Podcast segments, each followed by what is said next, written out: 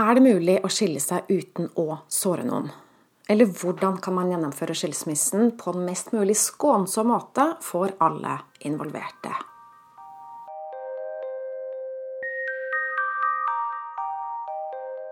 Jeg heter Line Strandvik. Jeg jobber online som personlig veileder, hvor jeg hjelper deg tilbake til sannhet, hvor livet er ekte og meningsfylt.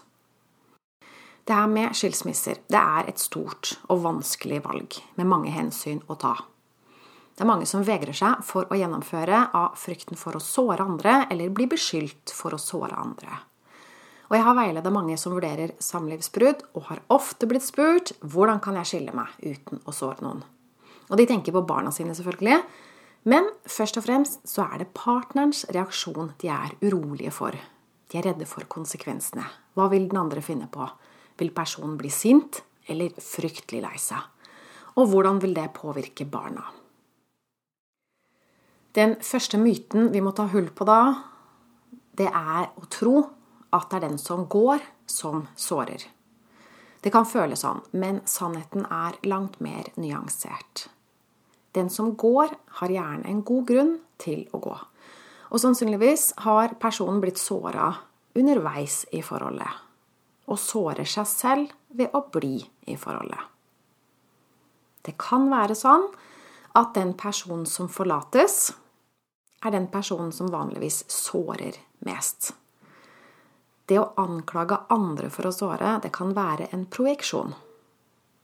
Det vil si at det er en selv som faktisk sårer.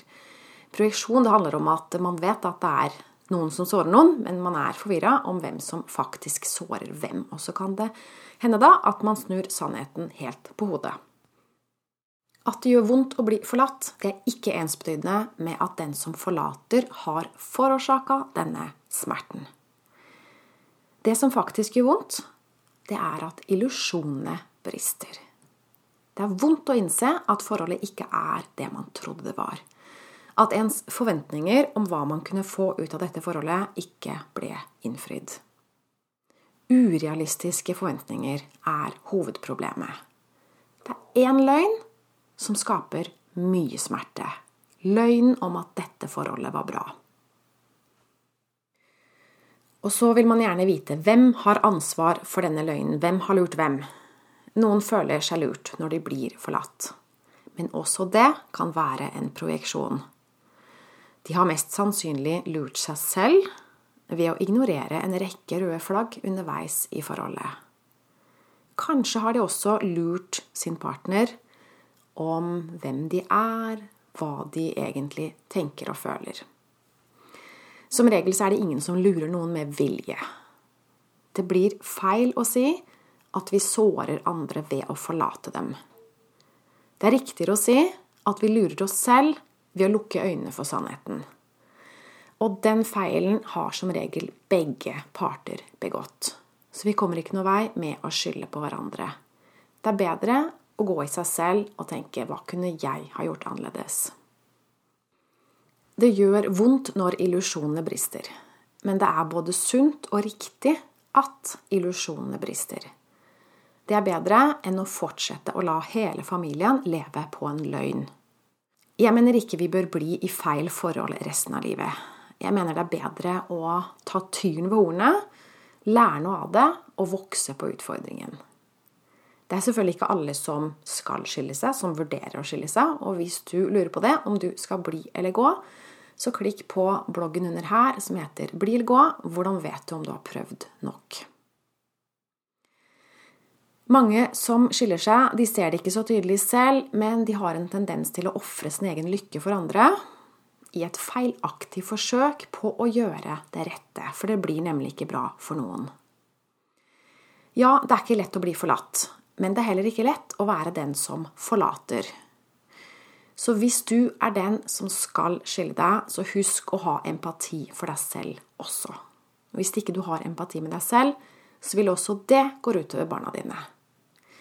Hvis du spør deg selv om hvordan du kan skille deg uten å såre noen, bør du også spørre deg selv hvordan kan jeg skille meg uten at min partner sårer meg og barna? Hvis den ene parten setter seg på bakbeina gjennom skilsmissen, så kan det bli vanskelig for alle. Sårede voksne kan miste fokus på barnas beste. De gjør og sier mye dumt, og kan til og med tro at det er skilsmissen som har skapt alle problemene, og så ser de ikke at det er deres egen dårlige og umodne atferd.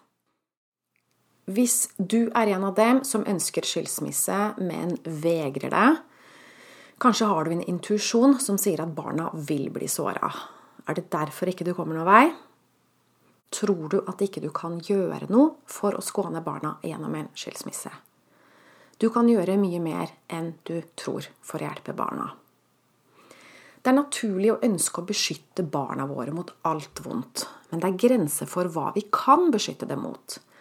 Og det å beskytte barn mot absolutt alle farer, det er heller ikke den beste oppdragelsen, for vi må også lære dem å takle vanskeligheter og utfordringer.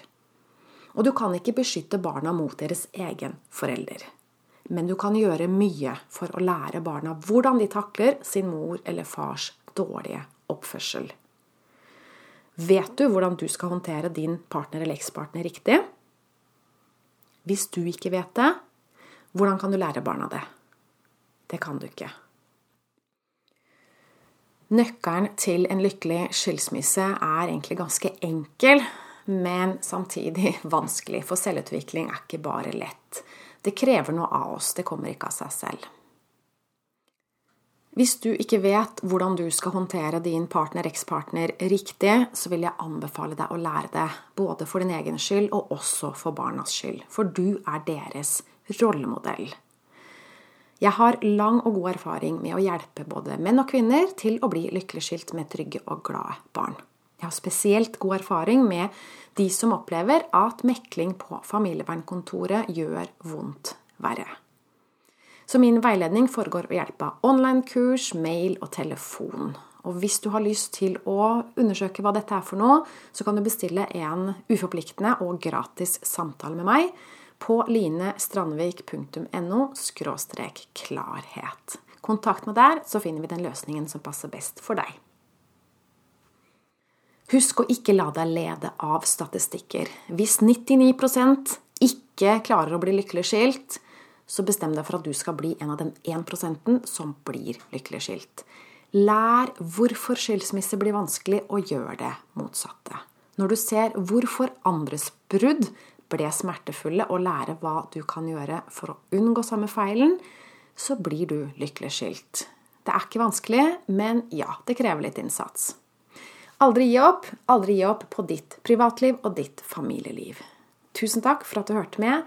Ha en superfin dag. Vi snakkes, høres, i neste podkast. Ha det.